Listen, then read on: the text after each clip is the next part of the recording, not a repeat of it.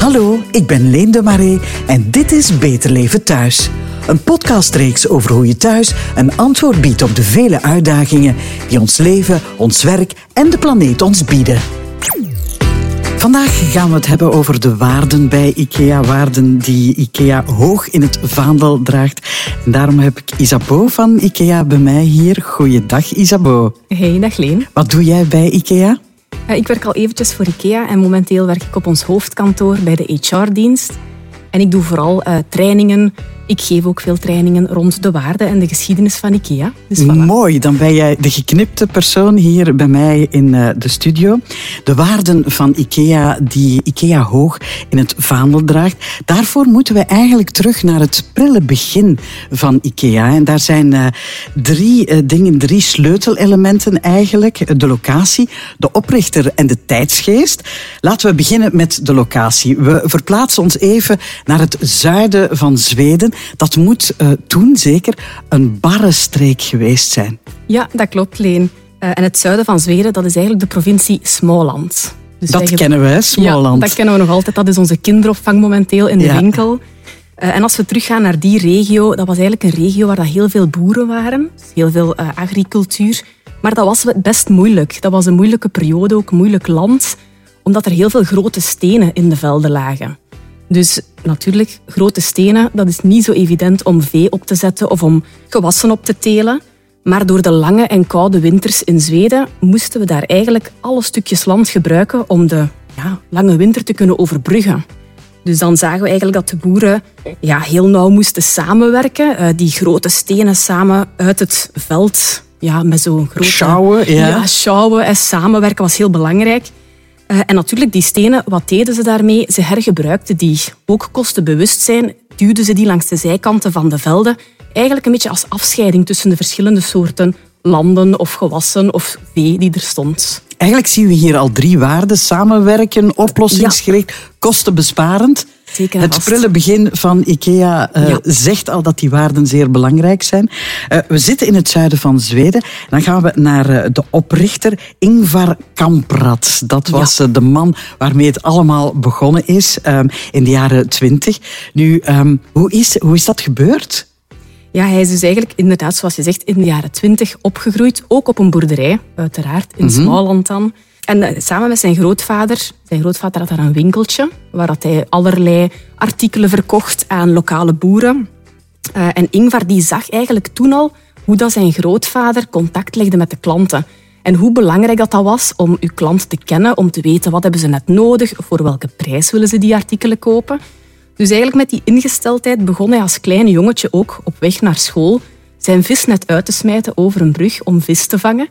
En zo ja, we hadden dan verse vis na school, die pakte hij in en die ging hij bij de buren gaan verkopen. Ook zelf als klein jongetje, omdat hij belangrijk vond om te weten hoeveel willen de klanten, mijn buren, hier nu voor betalen. Dus dat kostenbewustzijn en dat klantencontact zat er eigenlijk al heel vroeg in. En met de centjes die hij verdiende, breidde hij zijn assortiment uit naar lucifers, postkaartjes en later ook zaadjes om bloemen te planten. En toen hij genoeg centjes had, dan kocht hij een fiets, omdat hij daarmee dan ook nog zijn netwerk kon uitbreiden aan klanten en een groter gebied kon uh, ja, veroveren, om het zo te zeggen. Hij schakelde ook de melkboer in op zeker momenten. Ja, op zeker momenten ja, kon hij natuurlijk niet alles meer zelf met zijn fiets naar de klanten brengen. Dus dan uh, had hij een slim idee en hij dacht, de melkboer passeert hier toch. Waarom vraag ik niet of die mijn artikelen kan meepakken? Inderdaad klantengericht, kostenbesparend. Ook Ja. Een, eh, ja, een jongen die al oplossingsgericht dacht. Hij was nog heel klein, Ja, ja, eh, nogthans. En dan ehm, gaan we even naar de tijdsgeest, wanneer eh, IKEA echt is, is opgericht. Na de Tweede Wereldoorlog. Eh, schets die tijdsgeest is in Zweden. Ja. ja, dus inderdaad, dat was in 1943 dat Ingvar Kamprad IKEA heeft opgericht. Hij was toen 17 jaar oud. Ook nog jong, hè? Ook nog jong. Als ik nadenk wat dat ik op mijn 17 deed, was ik niet bezig met mijn eigen bedrijf op te richten. Ik ook niet. Maar Ingvar wel. Godzijdank. Godzijdank. Godzijdank, ja. Eh, maar na de Tweede Wereldoorlog was Zweden eigenlijk niet zo zwaar geïmpacteerd op economisch vlak dan de andere landen rondom rond. En die hadden eigenlijk heel veel hout- en meubelfabrieken in Zweden. En zo had Ingvar dan contact gemaakt en is eigenlijk het meubelsegment ook mee in ons assortiment gekomen. En dat was dan uiteindelijk de ja, winstgevende factor van het assortiment, om het zo te zeggen. En hoe kreeg hij die, die meubelen? Hij begon dus meubelen te maken. Hoe kreeg hij die bij de mensen? Want Zweden is een gigantisch groot Zeker. land. Ja, heel uitgestrekt. Ja. Uh, dat was eigenlijk de tijd van het postorder. Dus mensen konden via een dagblad, via advertenties, meubelen bestellen en die werden dan geleverd van bij de fabrikant tot bij de klant thuis. En zo geraakten die meubelen daar. Ja, inderdaad. Ja. ja. Maar dat is niet zo gebleven, want op een zeker moment waren er wat problemen. Hè? Ja, doordat, ja, natuurlijk. Het, het bedrijf wordt groter, de leveringen worden groter. Maar de, ja, de klachten kwamen eigenlijk ook een beetje erbij, omdat in de jaren 50 heel veel beschadigde artikelen toekwamen bij de klanten. Um, en ook in de jaren 50 was er een beetje een prijsoorlog tussen de bedrijven die verkochten via postorder, waardoor dat de klant het idee had dat de kwaliteit niet zo goed was, omdat de prijs enorm aan het dalen was, omdat de mensen ja, wouden verkopen natuurlijk. Maar ik hoor al, Ingvar zou Ingvar niet zijn Inderdaad. als hij daar wat ja, op bedacht. Dat klopt. Um, hij had eigenlijk het idee om een permanente tentoonstelling van zijn meubelen um, te organiseren in Elmhult, een stadje in Zweden, ook in Småland uiteraard. Mm -hmm. uh, en wij kennen dat nu nog altijd als de showroom, zoals dat we zeggen, hè, waar dat mensen dus naartoe kwamen voor artikelen een keer te voelen, te zien, is het is testen echt, hè, in de zetel te gaan zitten, zoals dat we dat nu op de dag van vandaag nog altijd doen. Uh, en daar is dat eigenlijk begonnen dat we ja, de showroom hebben geïntroduceerd. En zo waren de mensen ook overtuigd van de kwaliteit die Ingvar dan toonde via het postorder uh, Alweer klantgerichtheid. Hè? Ja. Klanten willen zien, willen voelen wat ze gaan uh, kopen. Nu, uh, ik zei het al, Zweden is een groot land. Mensen kwamen van ver mm -hmm. naar die ene showroom die er toen nog was. Ja. En ik heb mij laten vertellen dat daar ook de kutbolaars, misschien niet die kutbolaars zelf, maar toch het eten en het drinken, dat ook dat daar een, Ja. is geïntroduceerd. Hè? Ja, zeker en vast. Dus we hadden eerst de tijdelijke tentoonstelling, de, de, de, niet de tijdelijke tentoonstelling, de echte tentoonstelling, zijn showroom. Maar hij heeft ook een echte winkel geopend, waar dat mensen dan ook artikelen konden meenemen. Dus het was niet enkel meer met levering van fabrikant naar klant thuis. Maar hij merkte inderdaad, gezinnen kwamen van ver naar de nieuwe winkel in Elmhult. Maar ze bleven daar ook niet zo lang. Omdat natuurlijk, ja, als je gaat winkelen met je gezin, je krijgt honger, je kindjes krijgen honger. Dan wil je Dat naar huis. hè? aangenaam, ja. Um, en dan, door ook met de klanten te babbelen, dacht hij, oké, waarom het aangename niet aan het nuttige koppelen? We gaan een IKEA-restaurant openen. En zo zijn inderdaad de Schutboulars uh, geïntroduceerd en is het IKEA-restaurant uit de grond gestampt. Voilà, Schutboulaar. Ik weet dat het Ja. niet Kutboulaar is. Dat zal ik nooit meer eh, vergeten. Ja. Zeg, Isabeau, dan is er een tweede eh, winkel bijgekomen nu. Op Ja. een zeker moment is die afgebrand. Nu, dat is iets tragisch. Maar daar is eigenlijk ehm, iets mooi uitgekomen. Hè? Daar is Ja. eh, ja, iets beter uitgekomen. Dat is de winkel in Stockholm. Dat was de tweede winkel. Um, en inderdaad, door een technisch defect is die winkel volledig met de grond gelijk platgebrand. Um, wat dan natuurlijk een enorme tegenslag is. En mensen rondom rond zeiden ook van, ah, die gaat dan nooit meer kunnen te boven komen. Maar Ingvar zou Ingvar weer niet zijn. Voilà. Eh, alle medewerkers verzameld. In die tijd hadden wij ook nog niet echt een specifieke functie. We werkten gewoon bij IKEA. Dus eh, dat was echt alle krachten samen bundelen, de winkel terug opbouwen. Ook met ideeën van dan de medewerkers die daar werkten, zoals bijvoorbeeld de kleinere artikelen samen groeperen. En zo is ook onze markthal ontstaan, wat we nog altijd kennen. Ehm, en de opening was echt een supergroot succes. Zo groot zelfs dat de kassas, ja, dat liep volledig strop. Eh, dus de toenmalige winkeleigenaar, die dacht, oké, hoe kan ik dit nu oplossen? En daar zien we ook weer een waarde terugkomen, anders zijn met een bedoeling. En die dacht, ik ga ons depot openzetten. Ik ga gewoon de deuren opengooien, zodat de klanten zelf hun artikelen uit de rekken kunnen halen. En dan kan ik de mensen die daar werken aan de kassa mee inschakelen. Dus ja, dan was het heel flexibel toen. Ehm, en ja, zo is eigenlijk onze zelfbediening ontstaan, wat dat we de dag van vandaag ook nog altijd in elke winkel hebben. Ja, die zelfbediening en dat eh, compacte verpakken, zoda- zodanig dat alles eenvoudig is Mhm. eigenlijk. Hè, wat ook een waarde is bij IKEA, zo eenvoudig mogelijk. Ja, inderdaad. Nu, IKEA wil ook op maatschappelijk en op eh, vlak van milieubewustzijn een voortrekker zijn, hè, dat weten we. Hoe vertaalt zich dat binnen die dagelijkse werking? Hoe draagt IKEA deze waarde uit?